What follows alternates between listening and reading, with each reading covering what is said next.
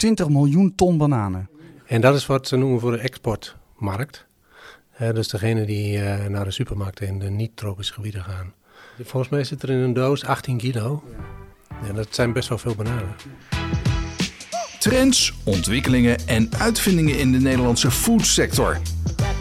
Vanuit de World Capital of Life Science is dit innovatie in food. Hier is Paul Sanders. Welkom bij deze uh, nieuwe podcast, splinternieuwe podcast, Innovatie in Food. En uh, nou, die podcast die gaat over precies dat wat de titel eigenlijk al belooft. Over spraakmakende, bijzondere en revolutionaire ontwikkelingen in de voedingsmiddelenindustrie. En vandaag gaan we het hebben over, ja, ik noem het wel eens gekscherend, de moeder alle vruchten. Want dat vind ik toch eigenlijk wel, de banaan. Zo simpel, maar toch ook zo belangrijk voor niet alleen uh, u en mij, maar voor uh, eigenlijk iedereen op de wereld. Uh, de banaan dus. En we gaan praten met, over de banaan met Anker Seuris van Kijin. Welkom. Dankjewel, Paul. Laten we eventjes beginnen over Kijin. Want dat is de reden waarom, waarom je hier zit. We hebben afgesproken dat we tutoyeren, dus we zeggen gewoon jij en je. wat, wat, wat doet Kijin?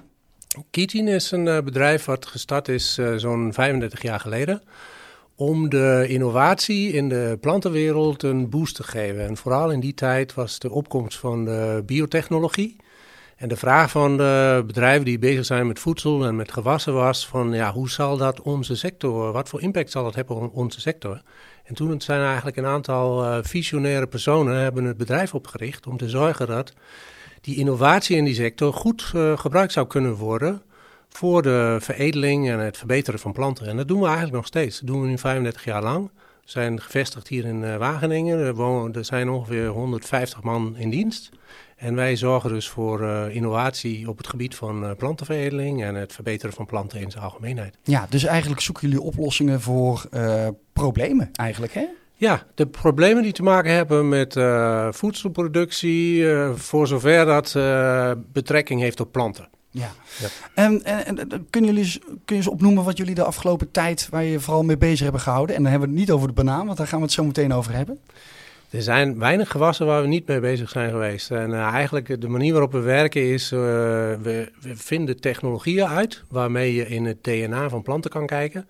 En dan zoeken we naar de verband tussen uh, de verschil in dat DNA zeg maar, de verschil die aanwezig is in de natuur. En hoe je dat dan uh, kan gebruiken voor voedselproducten. Uh, grote gewassen doen we het meeste aan. Dan moet je denken aan uh, in Nederland vooral tomaat en komkommer en paprika's. Maar ook wereldwijd zijn de grote gewassen natuurlijk rijst en tarwe en ja, dat soort grote gewassen. En we hebben eigenlijk partnerships met heel veel bedrijven die bezig zijn in dat soort gewassen. En samen kijken we dan naar mogelijkheden voor innovatie in die gewassen. Ja, en, recentelijk ook banaan. En banaan, precies. Daar gaan we het zo nog over hebben. Ik wil nog enkele eventjes heel uh, klein stapje terug. Ik hoor DNA en dan denk ik altijd meteen, oeh, dat is eng. DNA. Er wordt gerommeld met DNA. Is het zo eng als dat het klinkt? Voor, de, voor mensen die er misschien niet zoveel verstand van hebben? Nee, daar, DNA is natuurlijk uh, de informatie die, die in alle levende wezens uh, zit. En uh, ook in jou en ook in mij. En uh, dat DNA is verschillend. Dus wij zien er bijvoorbeeld verschillend uit. Je hebt andere kleuren ogen dan ik. Zo is het ook met planten natuurlijk. Hè. Je hebt in de natuur heel veel verschillende planten. En in de loop van de evolutie heeft dat geleid tot heel veel diversiteit. En die, die diversiteit die heeft te maken met het verschil wat je kan zien in het DNA. En wat je dus overerft naar je kinderen. En we proberen erachter te komen hoe dat zit, zodat we, dat we daar optimaal gebruik van kunnen maken. Dus eigenlijk, eigenlijk uh, een, um, een manier om kennis te gebruiken om sneller te komen tot uh, nieuwe voedselproducten of plantenproducten die nuttig zijn voor mensen, zo kan je het zeggen. Ja, maar er zijn mensen die vinden het eng, hè? Ik denk dat uh, dat vooral komt door verhalen rondom GMO's, gemodificeerde planten. En dat is natuurlijk een technologie die in de jaren 80 is uitgevonden en waar, waarmee je ook planten kan veranderen. Dat is niet een technologie die wij uh, veel toepassen, moet ik zeggen. Eigenlijk niet we zijn juist in, in dit bedrijf in Nederland gericht op, op innovaties die gebruik maken van kennis en natuurlijke variatie, zoals dat heet, diversiteit. Maar daar proberen zo slim mogelijk en snel mogelijk het optimale uit te halen. En het, eh, ik persoonlijk ben ik niet bang voor GMO. Uh, maar ik, ik weet dat er heel veel mensen zijn die daar uh, bedenkingen bij hebben. En het hangt eigenlijk vanaf wat je ermee doet. Net als alle technologieën is de technologie op zich niet het gevaarlijke. Het gevaarlijke is wat mensen ermee doen. Precies, dat is het altijd. Hè? Dat is de altijd zo. Ja, precies. En dan uh, uh, Anker Seurensen, dat is niet een Friese of een Limburgse naam. Dus dat, dat vermoedt dat uh, Anker ergens anders vandaan komt. Wat is, wat is je achtergrond? Dat klopt. Ik ben Deen. Ik ben geboren in het zuiden van Denemarken. Niet te horen trouwens. Vlekkeloos Nederlands. Dankjewel. ik woon al 33 jaar in Nederland. Okay, dus ik heb even kunnen oefenen. En bovendien vind ik taal ook wel leuk. Om, en vooral ook om het goed te doen. Maar uh, ja, ik ben getrouwd met uh, een Nederlandse vrouw. En dat is de reden waarom ik in Nederland zit. Ja. En gelukkig heb ik hier ook heel mooi werk kunnen vinden. We gaan het hebben over de banaan. Of beter gezegd, we gaan het hebben over TR4. Dat klinkt als een, als een nieuw model elektrische auto. Maar dat is het niet. Wat, wat is het? Ja, TR4 is een schimmelziekte je weet dat uh, net, als, net als wij, hè, we worden planten ook uh, ziek door allerlei micro-organismen, schimmels, bacteriën, virussen ook. Maar deze schimmel die leeft door in de grond. Het is een schimmel die in het geslacht Fusarium, nou ze noemen dat, maar dat betekent eigenlijk dat het een schimmel is die, die de plant aanvalt en die eigenlijk in de plant, in de stengel van de plant, alles dicht uh, zet. Dus dan uh, komt er geen voedingsstoffen en water meer naar boven en dan gaat de plant dood.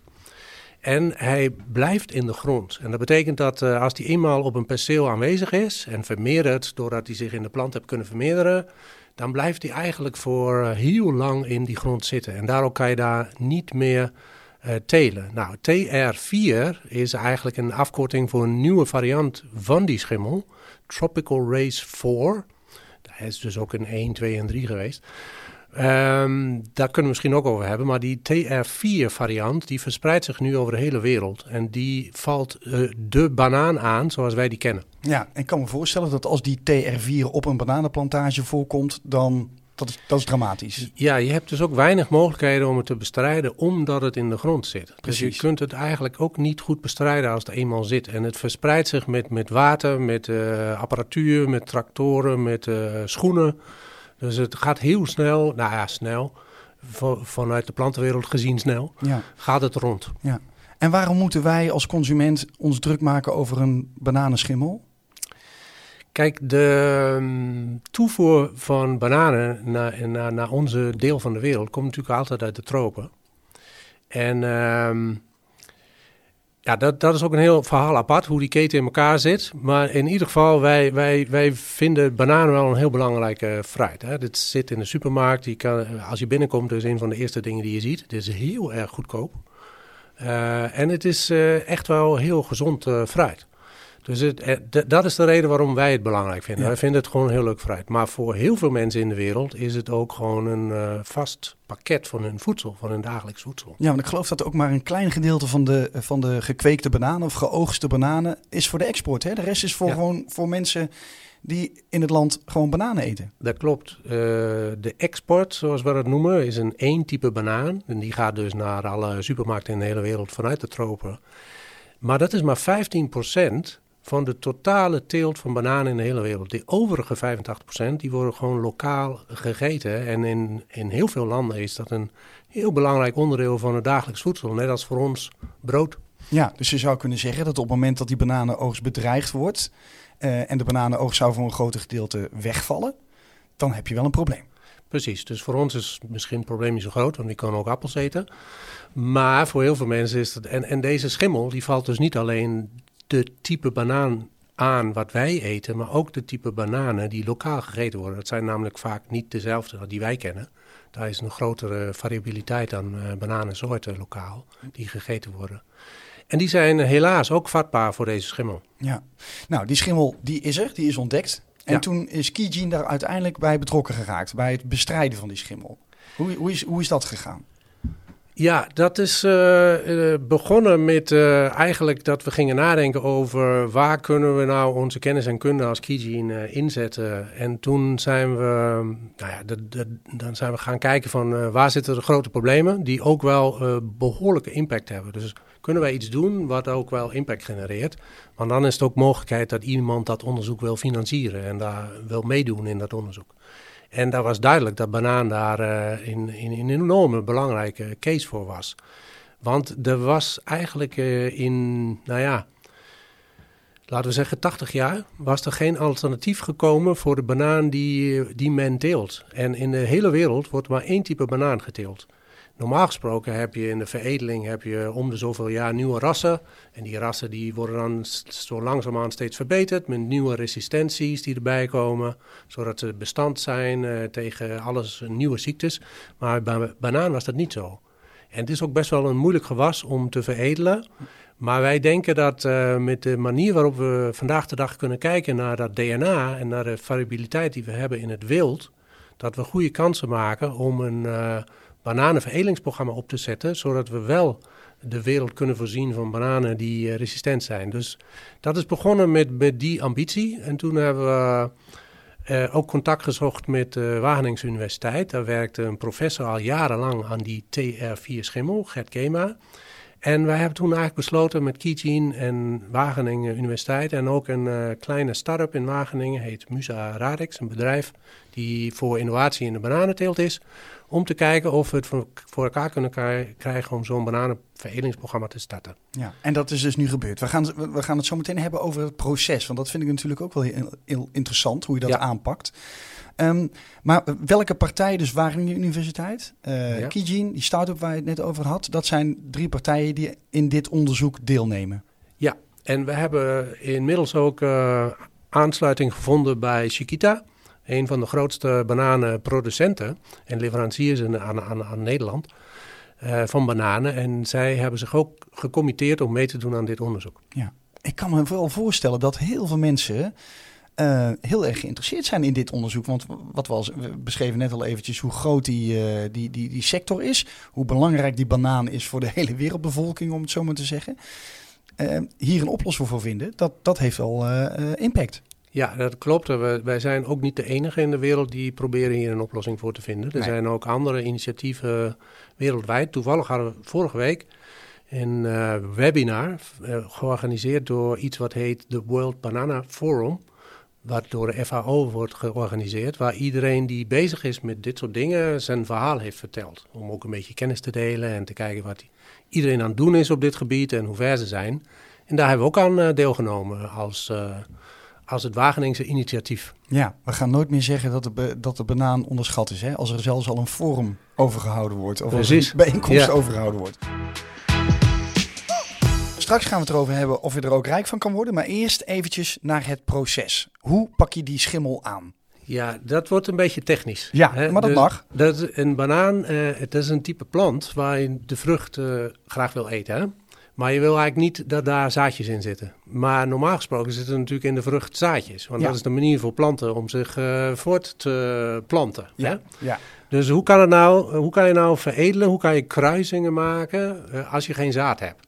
Dat is waarom het vrij ingewikkeld is. Ja, Daarna... want, want, even voor, voor de duidelijkheid, ik begrijp, en dat weet ik een beetje uit ervaring, ik heb een tijdje in Afrika gewoond, een bananenplant ververst zichzelf eigenlijk. Ja. Hè?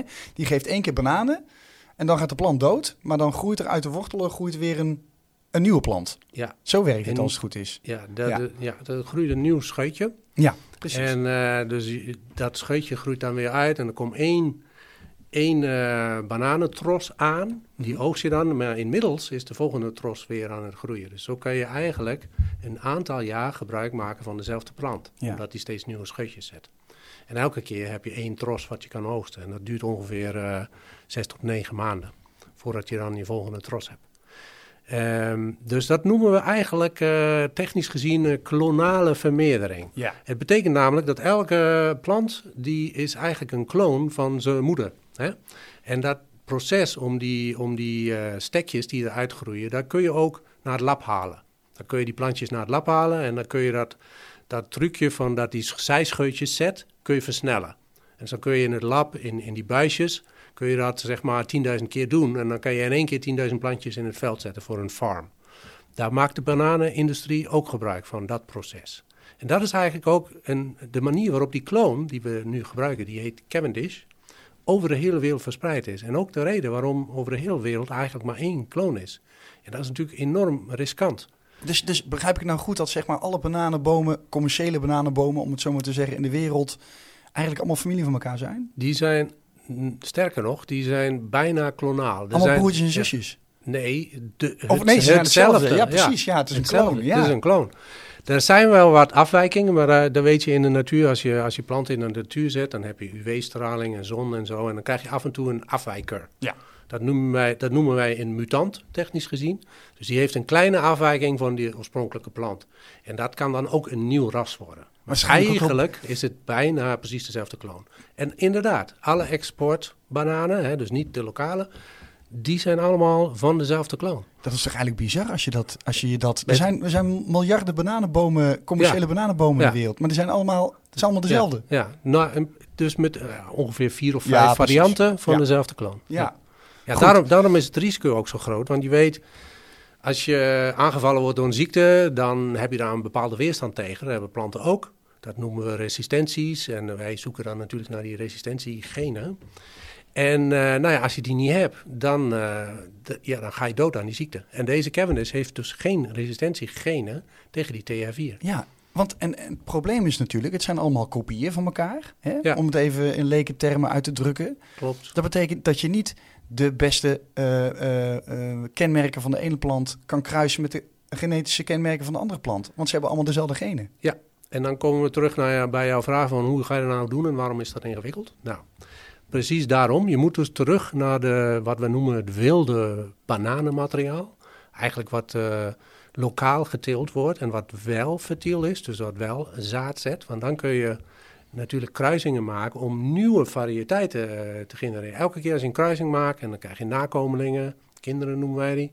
Die zijn natuurlijk, die hebben iets geërfd van hun ouders, maar die zijn wel allemaal anders. Ze hebben allemaal een ander deel geërfd van hun ouders. En met die technologie van kiezing gaan we dan nou uitzoeken welke deel hebben ze geërfd.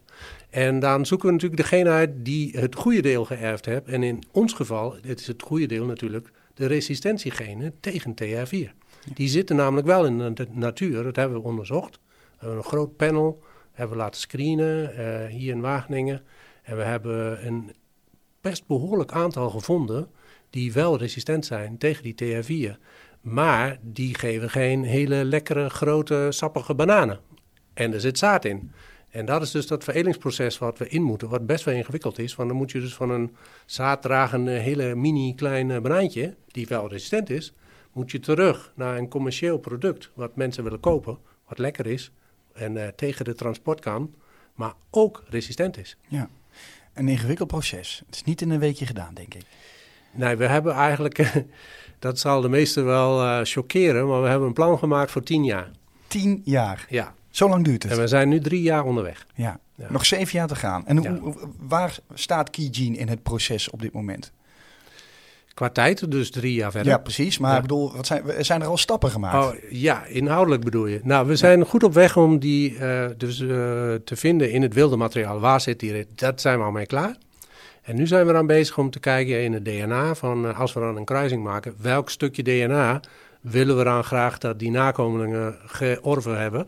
Hè, zodat we in de nieuwe dingen die we maken kunnen zeggen, ja, deze zijn echt wel resistent, want die hebben die genen uit de wilde natuur.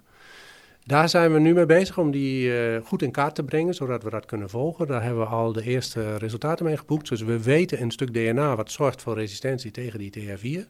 En die kruisingen zijn we nu aan het maken. We hebben in, eh, dat is ook wel leuk, we hebben dus een eh, procedures opgezet zodat we in Nederland, in de kas, de Nederlandse kastechnologie is natuurlijk fantastisch. Dus we hebben nu een kas waar we bananen kunnen groeien die dus vrucht kunnen zetten en die ook eh, die we met elkaar kunnen kruisen. En dat zijn we aan het doen. En eh, de eerste nakomelingen hebben dus die resistentie eh, van die wilde ge- geërfd. Oké, georven. Oh, dus, dus, dus, dus er is al letterlijk nu een bananenplant met die resistente kenmerken. Resistente kenmerken. Die eerste hebben we, alleen dat is nog niet een banaan waarschijnlijk die jij graag wil eten. Precies. Ja, ja. Dus er zijn nog een, je moet dus daar een aantal kruisings- en selectiestappen, zoals we het noemen, moet Ja. je achter elkaar doen. Voordat je uiteindelijk bij iets is wat en resistent is en eh, een, een goed product voor in de supermarkt. ja. En er ligt natuurlijk concurrentie op de, vloer, op de loer. Ja, Die, zeker. die, want, want er is ergens, een, ergens anders in de wereld is er nog een Keygene en die zijn daar ook mee bezig. Is Ja. het dan niet een dagelijkse angst van, ze zullen toch niet een jaar eerder zijn dan wij? Ja, ik zie dat niet zozeer als een angst, want uh, zoals we in het begin zeiden, banaan is best wel een heel groot product. En ik, ik, denk dat er zeker ruimte is voor het veranderen van die monocultuur, hè, dus dat we maar één type hebben, naar gewoon diversiteit. Ik denk dat daar waarde in zit zelfs voor de bananenindustrie. Als je diversiteit zou kunnen aanbieden, kijk maar naar de tomaten van vandaag de dag. Hè. Uh, nou ja, hoe lang is het geleden dat je maar één type banaan had? En wat heb je nu allemaal in de supermarkt? Ja, ja. En, uh, bananen, groene bananen, rode bananen. Ja, ja ga zo maar en, door, ja. en dus is het, uh, ons proces is, is niet alleen uh, gefocust om het vervangen van die Cavendish naar iets anders, maar ook om een basis te hebben om meer diversiteit in het bananenvak te krijgen. Maar, ik moet erbij zeggen, de eerste doel is uiteraard om te zorgen dat we een uh, goede vervanger hebben. Ja. Zodat we onder, uh, onderuit kunnen onder die schimmelziekte. Ja, want meer diversiteit betekent ook dat die bananenindustrie misschien minder gevoelig wordt voor ziektes. Ja, hè? Want uiteraard. ja, precies. Dus uh, in, in, de, in andere gewassen is dat vrij normaal. Hè? Dus ja. we hadden het over tomaten en tarwe en dat soort dingen. Daar worden regelmatig grassen vervangen. Omdat ook door klimaat en ontwikkeling van schimmelpopulaties het spectrum wat je moet hebben in de plant, als je die wil telen, die, die, die verandert gewoon steeds. Je moet die steeds aanpassen. Dat, dat noem je nou veredeling, zeg ja. maar. Ja, en dat is eigenlijk niet goed op orde in banaan. Wij vragen elke keer aan onze gast of uh, uh, hij of zij vier vragen wil beantwoorden die wij heel graag beantwoord willen zien. En dat gaat dan met name natuurlijk over de toekomst. De toekomst is, uh, daar hebben we allemaal mee te maken. Dat hebben we natuurlijk ook aan Anke Seuren gedaan. Ben je er klaar voor, Anker? Dat we even die vier vragen even doornemen? Zeker. Vier vragen voor overmorgen.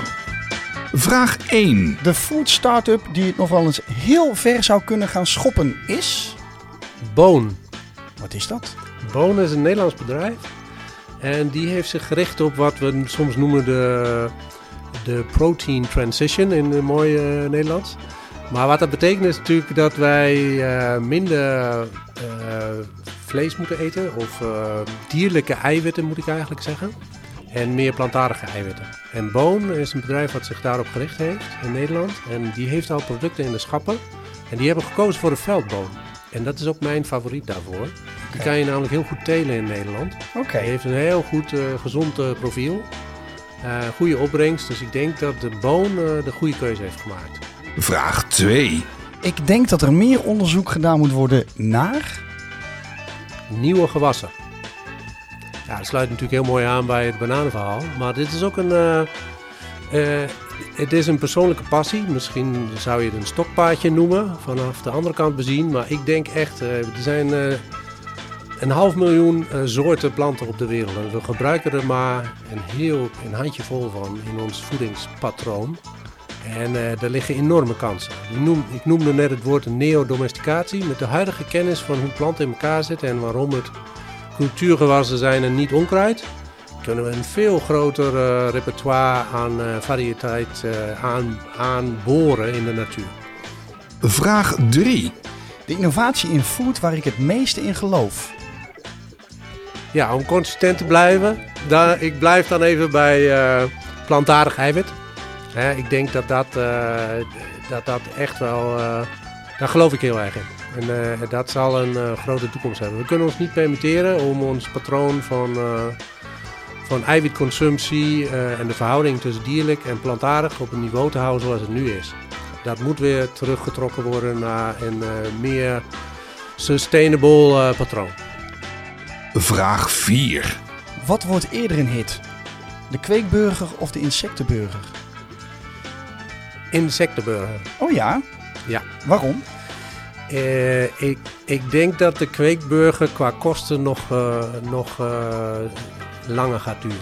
En jouw vraag was eerder.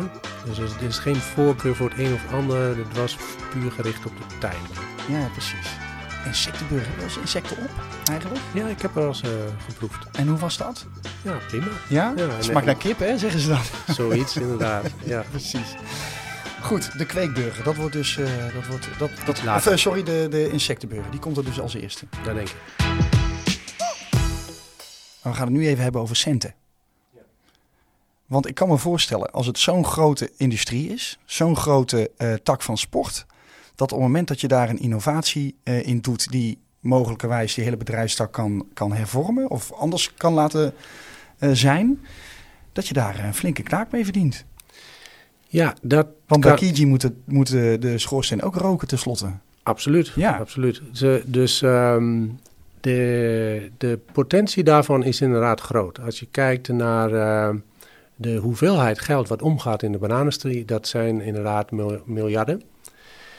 Aan de andere kant, als je kijkt waar het voor verkocht wordt in de supermarkt, daar hadden we het net over, dan uh, kun je misschien ook bedenken dat de marges die op die activiteiten lopen behoorlijk klein zijn. Ja.